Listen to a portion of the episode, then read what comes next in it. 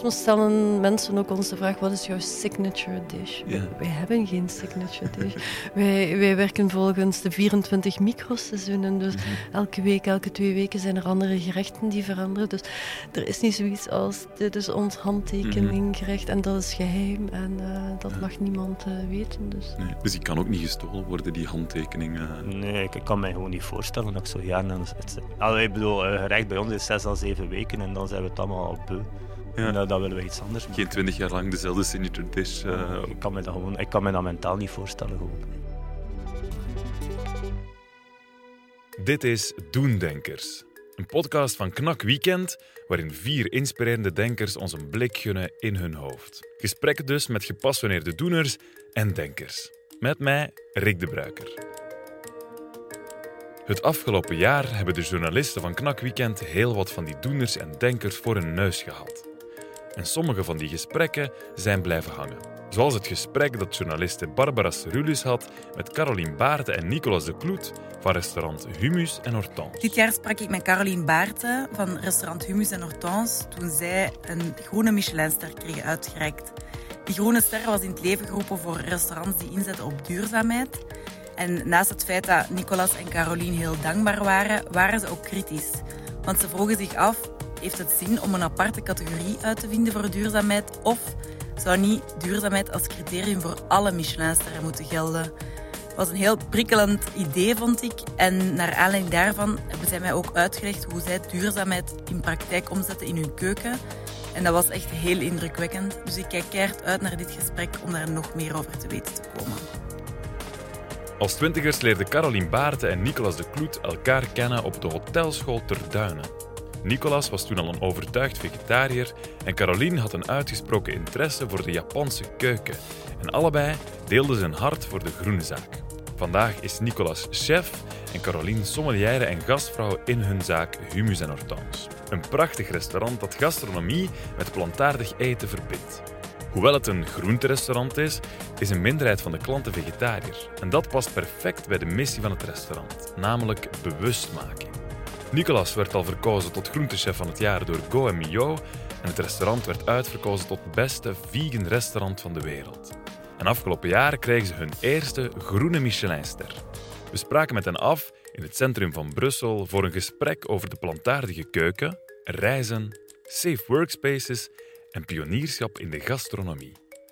Hallo, goedemorgen. Hoe zijn jullie hier geraakt eigenlijk? Ik vroeg me dat af. Jullie wonen in Jette, Brussel ook? Ja, we wonen eh, een kleine 15 minuutjes van hier, dus we komen heel graag met de fiets. hè. Ja, ja ik, ik- allee, het is, jullie zijn eh, bezig met restaurant, jullie hebben een, een zaak op hoog niveau.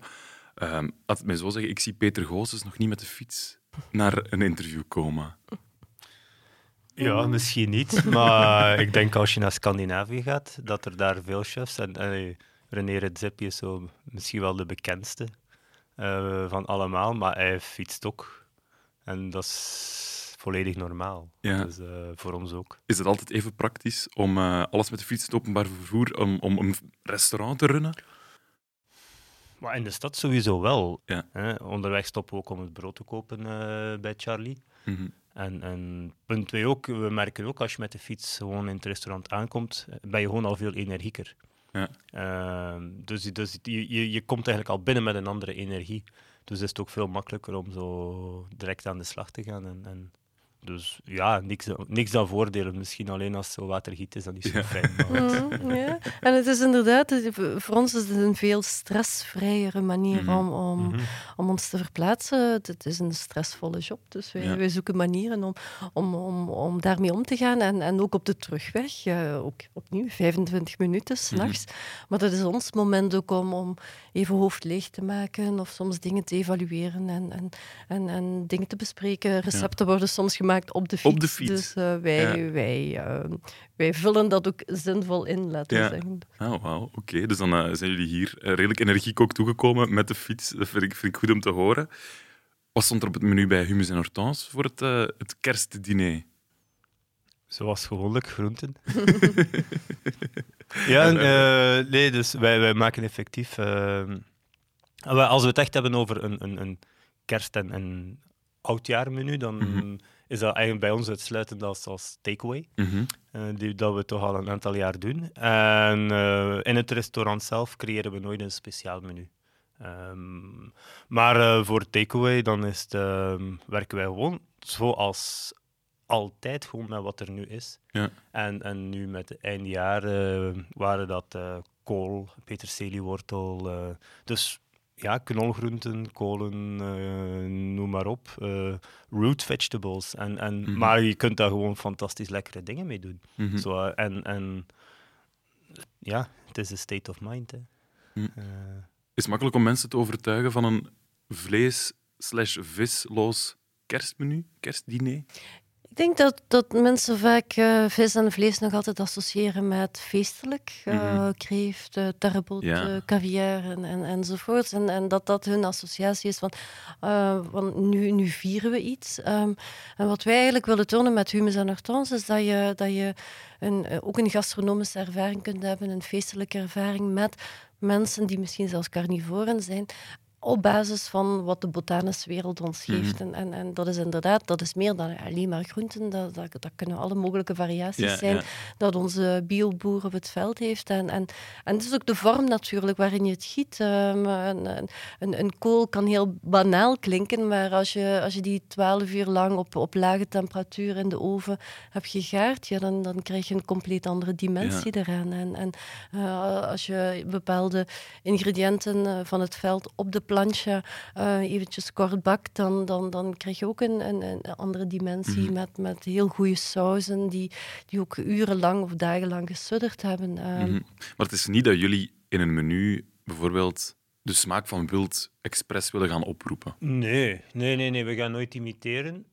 In de zin van, we gaan misschien wel imiteren. En als je het, als je het wat, wat anders bekijkt, we gaan, wij koken volgens de seizoenen, maar dat betekent dus ook dat we nu, in, in allee, deze zo wat koude, ko- donkere dagen, eh, ook die, die wat volle, hartige smaken gaan creëren. Mhm. En dus gaan wij ook onze groenten klaarmaken door ze heel lang te gaan roosteren in de oven bijvoorbeeld, door ehm, meer gebrande smaken te geven, door donkere sauzen te gaan Ja. creëren eh, op basis van groenten. Ehm, en daar gebruiken we effectief ook technieken voor die, die, die wij eerder gaan ontlenen, al- als je het zo mag uitdrukken, aan, aan de klassieke keuken, hè, Mhm. met vis en vlees. Maar dat werkt gewoon ook supergoed voor groenten. En, en je krijgt inderdaad wel, en, en dat is ook een opmerking die wij vaak horen van mensen, van amai, dit doet mij echt wel aan vlees denken, of Mhm. dit doet mij echt daar of daar aan denken. Mensen gaan altijd refere- refereren naar wat ze kennen natuurlijk. Dus Ja, dat is heel vaak een kader van vis en vlees op dit moment. nog. ja, ja, dat is zo nog. Hè. En, en wij zijn nu eigenlijk pas zo mensen aan het tonen van Ja. het kan ook anders. Hè. Ja, ja. En, en, het, kan- allee, en op een toffe manier. Mhm. Wij komen, we hebben een heel klassieke opleiding gehad, eh hotelschool en kokzijde, ter Duinen. Eh, dus wij, wij kennen die keuken ook. Dus wij, wij komen ook niet uit eh, de, de, de vegetarische wereld of de Mhm. veganistische wereld. Wij komen eigenlijk uit de klassieke gastronomie. Dat is ook ons re- referentiekader. En, en, en, en ja, wij spelen eigenlijk in, in, in dat veld, in, Ja. in dat landschap. Het, het feit dat jullie daar zo voor gaan, en ook voor die duurzaamheid, voor de, de groentekeuken, dat is opgevallen ook bij Michelin. Want het afgelopen jaar, 2021, als we terugkijken naar dit jaar, dit was het jaar dat jullie een, een ster ontvingen.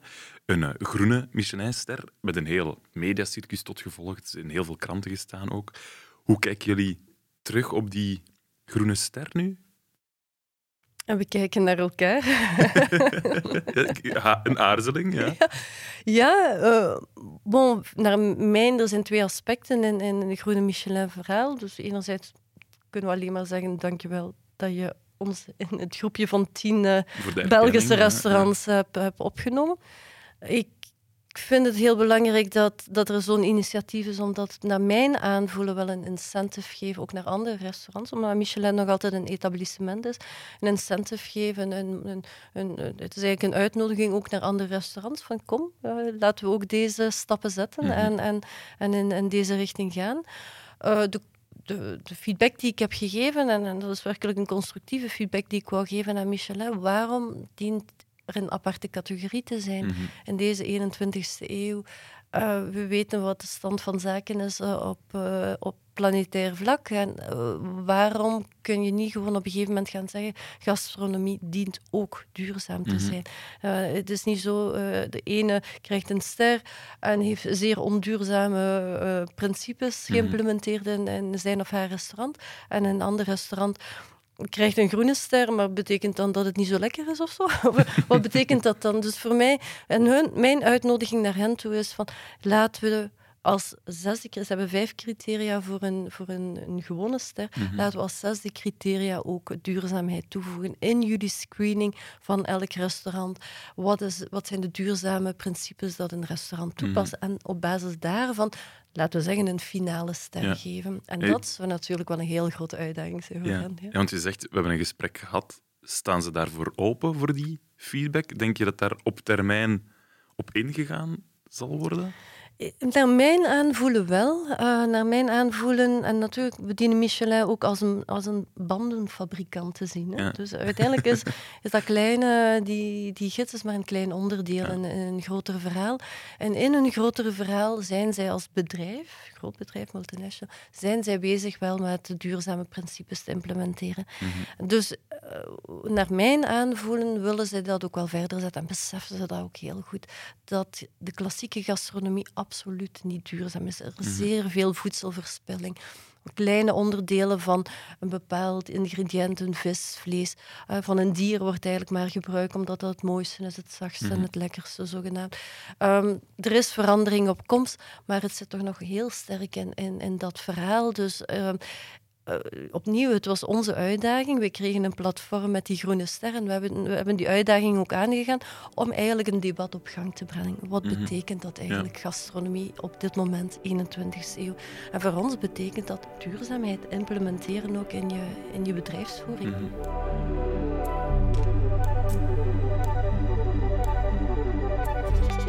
Jullie zijn op dit moment dagelijks met, met duurzaamheid, maar ook met, met natuurlijk eten bezig. Komen jullie uit een nest waarin ehm, eten en, en maaltijden belangrijk waren? Om, om, een concrete vraag te stellen, wat stond er op een gewone woensdagmiddag of woensdagavond op tafel?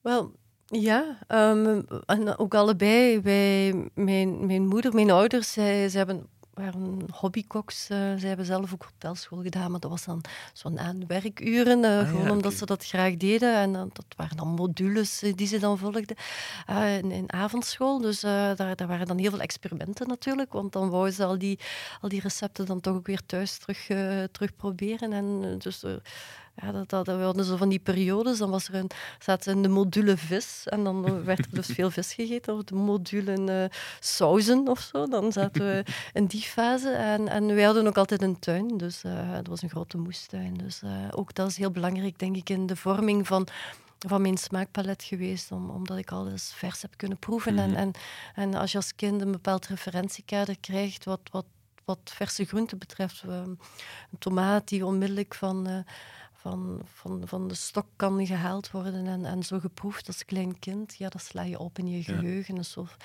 van olfactorisch geheugen die, die daar zit. En, uh, en, en dat is de rijkdom geweest. Een, een heel brede, breed palet van, van smaken dat ik heb kunnen proeven. Mhm. ja. Ja, bij mij ook. Ik ben ook opgegroeid naast mijn grootouders, die ook een eigen tuin hadden. Dat werd in de voormiddag ergens geplukt en s'avonds maakte mijn moeder dat klaar. Ja, dat zijn inderdaad uh, smaken die, die je ergens kent en herinnert. Mhm. en, en, en, ik heb ook wel echt zo'n zo heel specifieke herinnering uh, van het moment dat ik al in een restaurant werkte, dat, dat we ook zo met, beslisten om met iemand te gaan samenwerken die, die, die groenten teelde op een normale manier. Dus niet, op, mhm. niet intensief, niet industrieel en niet op water. En, en gewoon die, die smaak, dat was echt zo van... Wauw, wat is dit? Hè? En dat was gewoon echt zo teruggecatapulteerd worden. Hè? Dat was zo... Uh, uh, de Madeleine van Proest. Hè, dat je zo uh, onmiddellijk krijgt, zo van wauw. Uh, als kind had je dan die, die verse groenten op tafel. Je had een, ouders die geïnteresseerd waren, die de modules gingen volgen in de, in de sauzen en in de vissen. en alsnog, het is niet dat jullie meteen voor dat koken gekozen hebben. Jullie zijn niet meteen naar de hotelschool gegaan op jullie twaalf het internet, internaat op en dan een hele, hele um, jaren afgaan. Jullie zijn allebei ook in die kunsten gedoken. Kunstfotografie, heb je gedaan kunstgeschiedenis. was er dan toch geen drang om in die kokswereld of in die keukenwereld te springen? Of? Wel, in, in mijn geval, en, en voilà, Nicolas en ik, we waren allebei goede studenten. Dus wij, uh, wij, uh, wij hebben... Uh, ja, het werd ook, in mijn geval werd het ook wel afgeraden. Ah, dus, ja. uh, ik, ik, wou dat wel, ik wou het wel graag doen. Want, en wat was dan het argument? Ja, ik ga voor een echt diploma. Hè kunstgeschiedenis als echt diploma is ook natuurlijk wel relatief, maar uh, ja, dan, was dan toch naar Leuven gaan en, en universiteit doen. En, en maar goed, de, de wereld van, um, van de kunsten is nu ook niet zo verschillend van de wereld van, laten we zeggen, de culinaire Mm -hmm. kunsten. Dus um, het, het, het ligt toch ook wel in die lijn van enerzijds creatief bezig zijn, met esthetiek bezig zijn, uh, nadenken ook over, uh, over vorm. Uh, je medium is natuurlijk anders dan, dan, dan een, een, een schilderij. Of, ja. Maar je, je, zit wel in een bepaalde mindset en, en, en daar zie ik toch wel een gelijkenis in. Ja. Ja.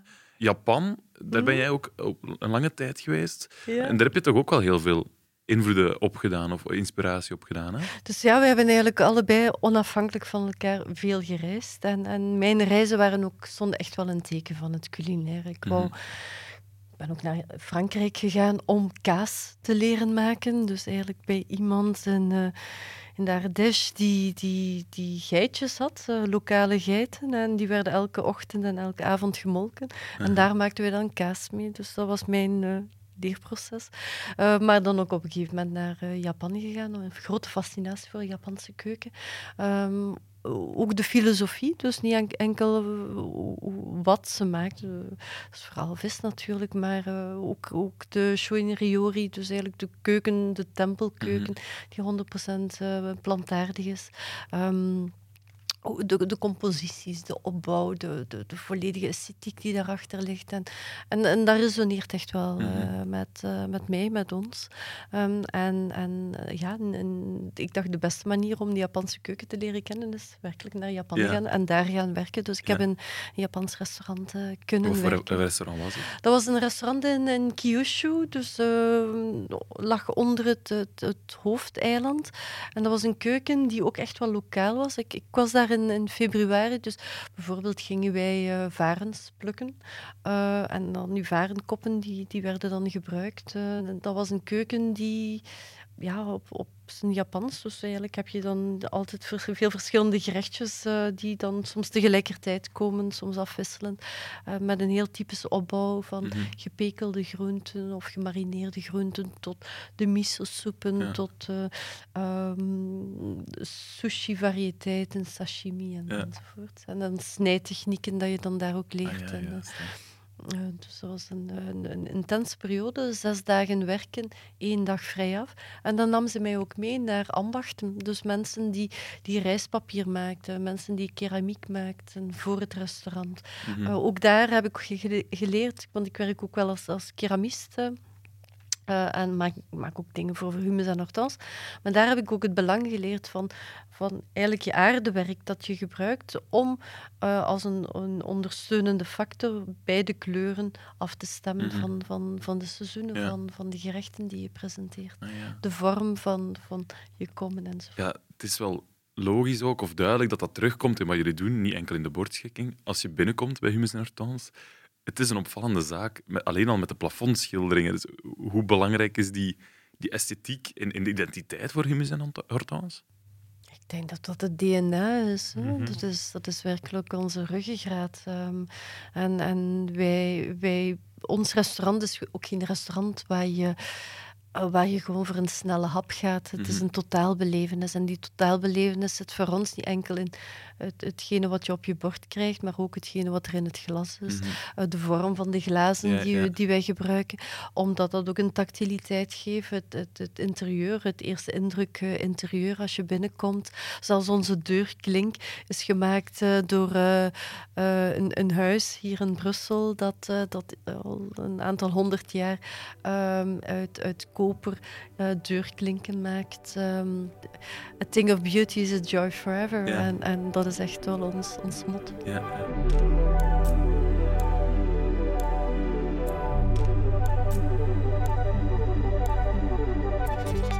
Jullie komen uit die wereld van Terduinen, dus jullie hebben veel contacten bij die eerder klassiekere keuken. Kreeg je daar ook reactie van?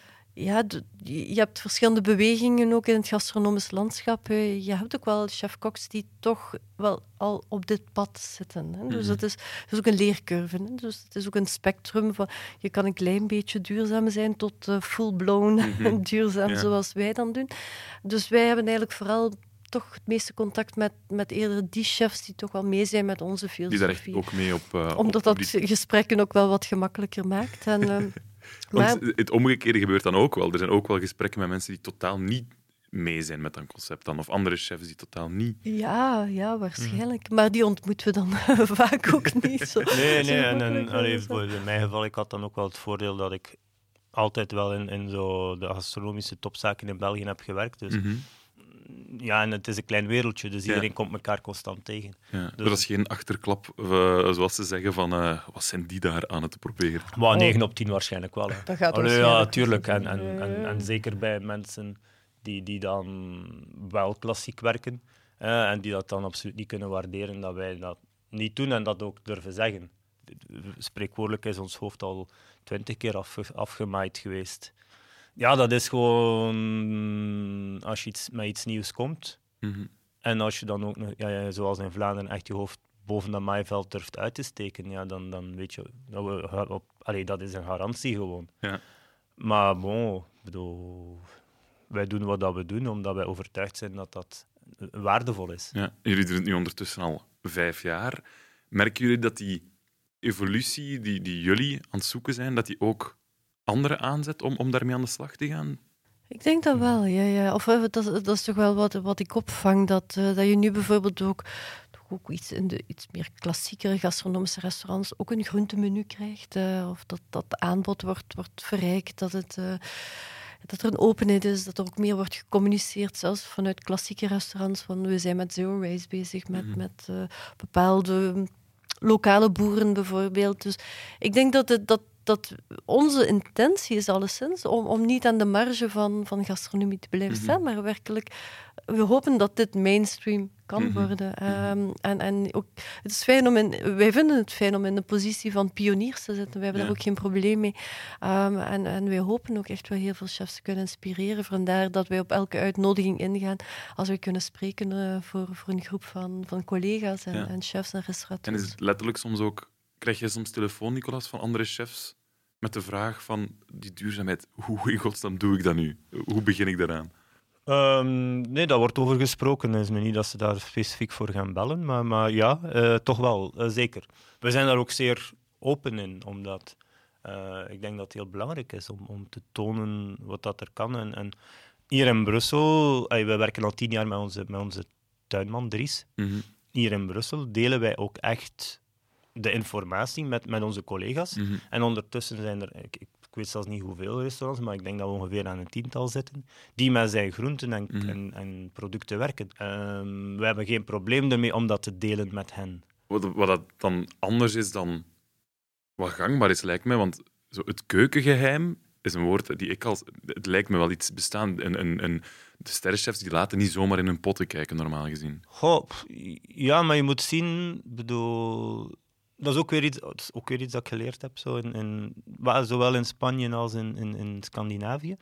De kookboeken bijvoorbeeld, als je kookboek koopt van Noma, dat mhm. zijn effectief de keukenrecepten mhm. die daarin staan. Die hebben daar geen probleem mee, ook omdat zij creëren iets en volgend jaar creëren zij iets anders. Mhm. En zij zijn toch altijd degene die creëren en verder. En dat is ook zoals wij ook, wij creëren nu en, en ik moet altijd terug aan mijn jongens vragen, eh, of aan de collega's vragen van, ja, maar wat hebben wij vorig jaar gedaan, wat hebben wij twee jaar geleden gedaan? Ik weet dat niet meer. Mhm. en, en wij kijken vooruit en wij kijken zo niet echt achteruit. Dus ik heb er ook geen probleem mee om, om, om recepten te delen, want wij hebben ze gecreëerd en, en als mensen ons willen kopiëren, dan is dat eigenlijk wel een, een, ergens fijn voor ons. Ergens vind ik het stom omdat ik niet begrijp dat iemand wil kopiëren, maar... maar Maar als zij ons willen kopiëren, oké, dat is hun probleem. Ja, ja. Mij kan dat echt niet. Uh, open keuken, open. Het is ook letterlijk een open keuken bij ons, maar ook figuurlijk open. Ja. Je sprak net over uh, onze tuinman Dries, dat is Dries Delanot. Dat is een, uh, ik ga het een opvallend figuur in de landbouwwereld noemen. Maar het is voor jullie ook wel echt iemand waar jullie veel mee samenwerken? Wie is hij juist? Hoe, hoe moeten we hem, voor mensen die hem niet kennen, situeren? Dries. Um, Dries is ondertussen wel een, dierbare vriend geworden. Uh, we kennen hem toch al elf jaar of zo. Dus, uh, zijn, zijn tuin noemt Le Monde Mille Couleurs. Dus uh, de, de tuin van de duizend kleuren. En dat kan je heel letterlijk nemen. Het is een wild farm. Um, hij gebruikt natuurlijke landbouw. hij hij gaat daar heel ver in. Um, gaat ook in een volledige cyclus van een plant uh, denken. Dus bijvoorbeeld een venkel gaat hij niet enkel maar de knol gebruiken, maar gaat hij bijvoorbeeld ook de stengel gebruiken, gaat hij mhm. ook het blad gebruiken, gaat hij finaal ook de bloesem gebruiken. Dus eigenlijk de zaadjes die dan op het einde komen. En hij gaat eigenlijk in, in een volledige jaarscyclus van, van dus het lijkt me ook niet de boer uh, of, of, de leverancier te zijn die zomaar belt en zegt ik heb morgen dit nodig, breng het mij eens. Wij volgen het ritme van de natuur. Wij volgen uh, de seizoenen en zoals ik zei, dat zijn minstens 24 microseizoenen. Uh wij, wij zijn dagelijks, uh, Nicolas is dagelijks in contact met, uh, met Dries om, om te horen van wat is er nu op het veld. Want, want, hoe verloopt dan, zoals je zegt, we bellen dagelijks, hoe verloopt een gesprek met, met Dries dan? Hoe dat is gewoon, we beginnen met goeiedag te zeggen. En dan, Liefst, dan, ja. Ja, dan uh, is het ook zo. Ik zeg nu maar, uh, we werken momenteel met zo'n mini sla uh, slaatjes. En, en dus ik heb gewoon bijvoorbeeld zaterdag gebeld naar hem. Zo van, oké, okay, sla, heb je er nu nog? En hoeveel? -hmm. En dan is het, ik heb er nog zoveel, dus ik, ik behoud die voor voor jullie. Dus, um, en dan weet, dan weet ik van, oké, okay, we hebben er ongeveer x aantal nodig per week. Dus mm -hmm. dat betekent dat we dat gerecht nog zo lang gaan kunnen ja. doen. En als die slaar niet is... Dan uh, maken we nieuw gerecht. Dan moet jij echt terug iets nieuws beginnen bedenken voor de dag. Ja, ja, ja. dus voor deze, week, deze week was het ook zo. Met uh, een ander ingrediënt. Plots was het er niet meer. Een beetje onverwachts, ook voor Dries. Zo van, ja, sorry, maar ja, de kwaliteit was in één keer... Ja, het was er niet. Ja, dus dan is het even alle hens aan dek en, en uh, iets, iets nieuws maken. Ja. en dat is, niet altijd, dat is niet altijd even tof als dat zo een race tegen de klok is. Maar ja, soms moet het. Mhm. En dat is wel uitzonderlijk. Hè? Dus wij, wij, wij, wij, worden wel op voorhand worden we wel heel goed gebriefd. Um, en, en Dries zal zeggen, kijk, uh, voor de komende twee weken heb ik dit nog uh, mm-hmm. voor jullie. Of de komende drie weken, maand. Um, dus we, wij, wij weten wel, we kunnen dat wel heel goed inschatten. Mm-hmm. en, en, en opnieuw, wij volgen hem. Dus mm-hmm. wij volgen het veld. En het is aan ons om creatief te zijn met hetgene wat er is. Dus wij gaan nooit naar een andere producent gaan, mm-hmm. omdat we op dat moment toch wel die sla. Het is niet rap even naar de nachtwinkel voor drie tomaten. Uh, nee. nee. dat gaat niet nee, gebeuren. dat zal nooit gebeuren, nee. We zijn niet zo goede klant bij de nachtwinkel.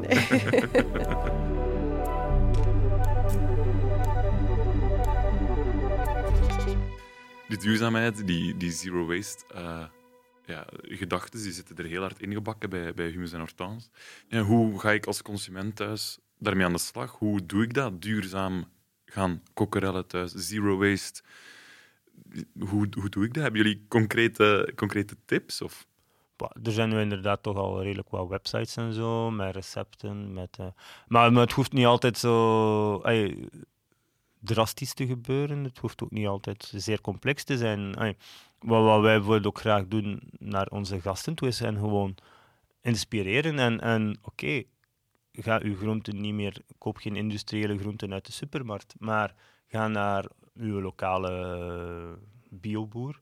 Mm -hmm. Of als, als je nu echt in de stad woont, ga dan naar een biowinkel. Ja. En er zijn toch bepaalde zo wat kleine ketens die toch al wel een duidelijker richting kiezen voor Belgische producenten. Mm -hmm. um, en, en begin daar al. Mm -hmm. En, en dat is al een, gewoon al een hele grote stap in de goede richting. Mm -hmm. en, en koop gewoon van, oké, okay, ja, het is nu winter, dus oké, okay, het is winter, punt aan de lijn, ik eet geen tomaten, ik eet geen paprika, uh, geen komkommers.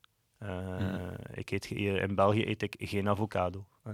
Ja, ik bedoel, dat is gewoon al, dat is gewoon als een, een heel goed begin. Ja. je zegt avocado, die avocado is wel kop van jut de laatste tijd. Hè? Uh, terecht ook, hè? Ja. ik bedoel, uh, uh, voor mij is het een heel makkelijk voorbeeld, hè, want ik heb in Mexico gewoond. als je in Mexico of, of Caraïbisch gebied geweest bent en je eet daar avocados, dan weet je hoe een avocado hoort te smaken. dat is niet te vergelijken met, met wat je hier vindt in de winkel. Plus, het is ook gewoon een, eigenlijk een, een, een catastrofe. Want om, om wereldwijd aan de vraag te kunnen beantwoorden, worden ze massaal geteeld. Ook in die landen, met als gevolg dat er dat is ook een plant die redelijk wat water nodig heeft. Mm En dus dat er ook weer waterproblemen ontstaan. Dus eigenlijk ben je zo gewoon een heel cyclisch probleem aan het, aan het creëren. Mhm. Eh, om, om voor dat ene product, wat dan toch eigenlijk maar een, een flauw afkooksel is van wat dat je kinder hebt. En en plus, het wordt dan door al die uh, would-be de hemel ingeprezen als zijnde zo onvoorstelbaar gezond ja, oké, gezond als je terecht van, van de struik gaat plukken en daar, maar niet als twee weken onderweg is op een boot, allee, onderrijp geplukt, twee weken onderweg, om dan hier in de winkel te belanden, waarbij dat je het een maand later of zo een keer eet. Allee, bedoel... Ja, uh, en zeker als je dan zo van die ketens ziet verschijnen die zo een volledig menu uh, alleen met avocado gaan maken, ja, dan denk je van, we zijn nog ver van huis. Mm -hmm.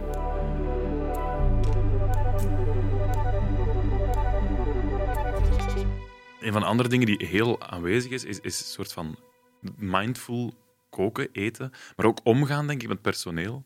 En jullie spreken daarnet over de, de hotelschool, onder andere. Dat is wel streng, dat is stevig, dat zijn lange dagen, dat is luisteren naar diegene die boven u staat, niet te veel vragen stellen. Dat staat dan toch wel haaks op het idee wat we op dit moment hebben van een soort van safe workspace. Ja, um, en ik denk, het, het, bedoel, op zich is er geen probleem met, met veel te werken. Of, mm we spreken ook hotelschool, 14-jarige jongetjes die all over the place zijn. En mm ongeleid projectiel moet je misschien ook wel even in het gareel houden om, om vanuit iets aan te leren ook. Hè. Dus een bepaalde structuur aan te leren, een bepaalde methodiek aan te leren. Het is vooral de manier waarop. Mhm. Dus wij... Ehm, wij hebben op latere leeftijd uh, hotelschool en kokzijde gedaan. Dat was dan toch wel een andere aanpak. Waar wij vooral problemen mee hebben, en, en dat is dat is onze ervaring die we hadden in keukens later. Um, dat je uh, zoals ik zei, transmissie is voor ons heel belangrijk. Overdracht, informatie geven, een stuk sensibiliseren, educatie. Dat is eigenlijk wat we doen met, met ons team. Mhm. Dat zijn jonge mensen, weten nog niet alles, maken ook fouten. En je leert hen om, om het op een andere manier te doen. En hoe je hen, hen dingen leert, dat kan doen via een soort van terreur, kwaadheid op de man spelen, iemand kleineren, iemand een zeer slecht gevoel geven, het gevoel geven dat hij niets waard is. Mhm. Of je kan zeggen van kijk, goed, eventjes aan de kant, ik heb, ik heb dit zien gebeuren. Wat is de reden waarom je het op deze manier doet? Je, je hoort een feedback van, van de persoon en je gaat vervolgens zeggen: Ik hoor dat je dat geleerd hebt op, op deze manier in, in je opleiding of in, in een ander restaurant. Hier in dit restaurant doen we het op deze manier, mhm. daarom en daarom. Dus je, je, je, gaat ergens. Dat is kort, hè, dus dat hoeft, hoeft geen, je hoeft dat niet een ellenlang betoog, maar je gaat ergens wel in een wisselwerking met, mhm. met een mens die daar ook staat. En je gaat uh, die persoon aanspreken over het gedrag, mhm. maar niet over de mens zelf. Ja. Dus, Want als je uh, zegt van in plaats van die, die eerste voorbeelden die je geeft en wel op de man, is dat iets dat je in je ervaring wel bent tegengekomen? Wij zijn dat allebei in onze ervaring tegengekomen. Ik heb ook in keukens gestaan, ook, uh, en dat is een tweede aspect. Als vrouw um, is het ook een, een zeer harde omgeving, een, een absoluut vrouwonvriendelijke omgeving waar ik dan al sinds in heb gewerkt en waar ik ook toch ook wel collega-chefs uh, ook over hoor praten, dat het zeer onveilig uh, was voor ons als vrouw om daarin te functioneren, toch in een zeer mannelijke uh, omgeving. En, en dat is hetgene wat we ook een ander aspect dat we ook niet doen. We zijn echt wel zeer inclusief. Um, we hebben op dit moment behoorlijk wat uh, vrouwelijke chefs bij ons in het team. Uh, Mag ik vragen wat het die omgeving zo onveilig maakt? Um, dan was het vooral over seksuele intimidatie. Um, bij mij, gelukkig is het niet zo ver gekomen dat het werkelijk seksueel misbruik was. Maar het het was wel over, grensoverschrijdend, heel duidelijk grensoverschrijdend. Dat specifiek met mijn vrouw zijn had te maken. En, ehm, en dat, dat zijn vaak de verhalen die wij horen uh, als vrouw, vrouwelijke mm. chefs. Uh, seksuele intimidatie is, is MeToo-beweging dient daar echt nog wel plaats te vinden, absoluut. En vandaar dat ik het ook uitspreek en vandaar dat wij ook een, een, een werkplek creëren waar vrouwen absoluut welkom zijn, waar vrouwen evenwaardig worden behandeld. Hun loon is ook hetzelfde, zoals de mannelijke chefs. En hun competenties worden evenzeer aangemoedigd en gevaloriseerd als uh, de mannelijke collega's. En, en wij hebben op dit moment zeer bekwame vrouwelijke chefs bij ons in het team, waaraan we voelen, uh, ik, ik, er is ook een, toch een regelmatige uh, checking in van hoe een, hoe een mentale, psychologische staat is. Um, en dat ik ook bij hen heel, een vrij grote mate van onzekerheid voel. -hmm ook door de ervaringen die ze hebben meegemaakt ja. op andere werkvloeren. En, en, en wat ik doe en wat wij doen, is echt wel werken ook van, aan een zelfbeeld van stader. Stader als, als chef. Mm -hmm. en, en dat het niet meer in een categorie van vrouwelijke of mannelijke ja. chef zelfs hoeft, uh, hoeft te belanden. Ja, ja. Is dat een verademing? Zie je dat, dat die uh, stagiaires dan, of die nieuwe recruten, dat die in het begin verschieten? Dat dat toch anders is dan elders? Ja, en gelukkig, uh, allee, gelukkig in, bij de jongere garde is er wel een mindshift. Mm -hmm. En is het niet meer allemaal uh, op, op zo de oude manier. Um, maar ja, effectief, mensen die, die ervaring hebben in andere keukens, uh, we waarderen wel de, an de andere aanpak. Mm -hmm. En, en ja, het is gewoon tijd. Hè. Ik bedoel, het is, we, hebben, we hebben al inderdaad een zeer hard beroep met heel lange dagen. Wat voor hen ook al veel minder is dan vroeger. Dus ze mm -hmm. werken bij ons geen 70 uur per week. Uh, daar letten we ook op. Hey, het, is, het, is, het is zoal, zoal intens genoeg. Dus als je het dan ook nog een keer echt op, met, op de oude mentaliteit moet gaan doen, dat kan gewoon niet meer. We merken ook hè, hoe moeilijk dat geworden is om nog, om nog personeel te vinden. En zeker mm -hmm. nu sinds de tweede coronagolf is, is het zeer, zeer, zeer moeilijk geworden. Maar voor een stuk kun je het ook wel begrijpen. Hè. Ik bedoel, als je ziet hoe, hoe het er altijd aan toe is gegaan, uh, ja, dan, ja, zo hoort het niet. Hè. Nee. Je zei daarnet, vernoemde je 70 uur in een werkweek. En ja, dat zijn geen... Uh, dat is gangbaar in het horecawezen, denk ik ook. Hoe zit dat bij jullie? Vinden jullie nog tijd voor inspiratie, voor ontdekking, voor... Gaan jullie samen uit eten? Uh, of, of wat doen jullie om die inspiratie op te zoeken?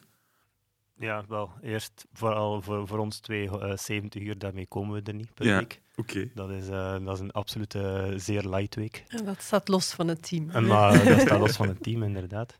Um, nee, wel, wel, sowieso, we proberen ook af en toe aan onszelf te denken. En, en, en dus hebben wij sowieso ook beslist om... We zijn nog vier dagen open met het restaurant. Mm -hmm. Gewoon om nog één vrije dag in de week te kunnen hebben. Mm -hmm. Omdat wij ook voelen van, dat is gewoon noodzakelijk. En wij doen inderdaad nog, uh, maar inspiratie dat kan op elk moment uh, om het even waar komen. Maar wij halen wel veel inspiratie uit uh, kunst, uit cultuur. En, en dat, is, dat is belangrijk dat we daar wel mee bezig kunnen zijn. Dus die vrije dag, dan trekken jullie naar dan gaan wij graag naar tentoonstellingen, dan gaan wij graag concerten, uh, als dat als dat past, als dat lukt. Mhm. Um, ik persoonlijk, ik uh, fiets ook heel graag. Dus Mhm. uh, ik probeer ook wel wat uh, op de vrije dagen uh, te gaan fietsen. Toch één keer in de week als het kan. Ja.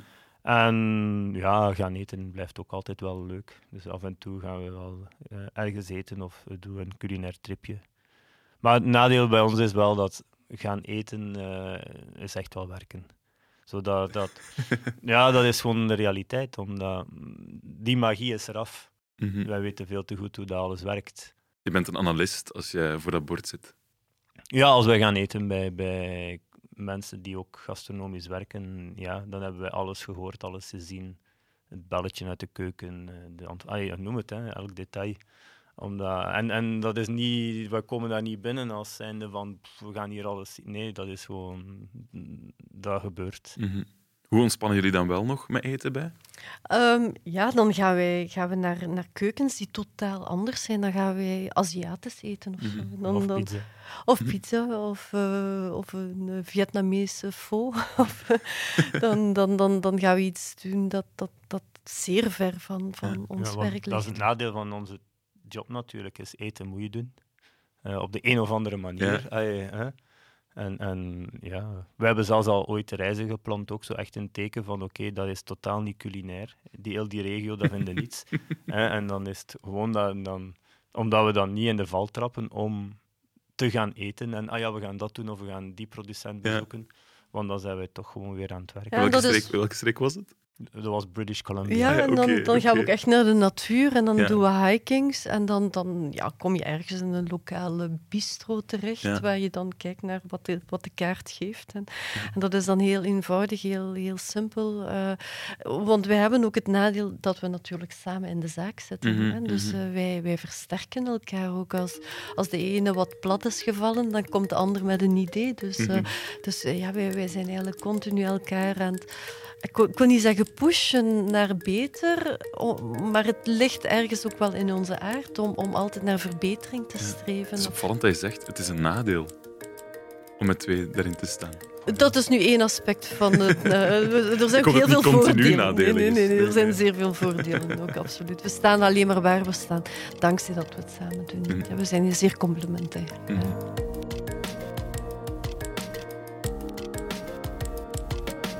In de volgende aflevering van Doendenkers gaan we in gesprek met Muriel Scherre van Lafido. Zij maakte het afgelopen jaar een opvallende collectie, namelijk genderneutrale lingerie. Volg de podcast en krijg op die manier de volgende aflevering meteen binnen in je podcast-app. Dit was Doendenkers, een podcast van Knak Weekend.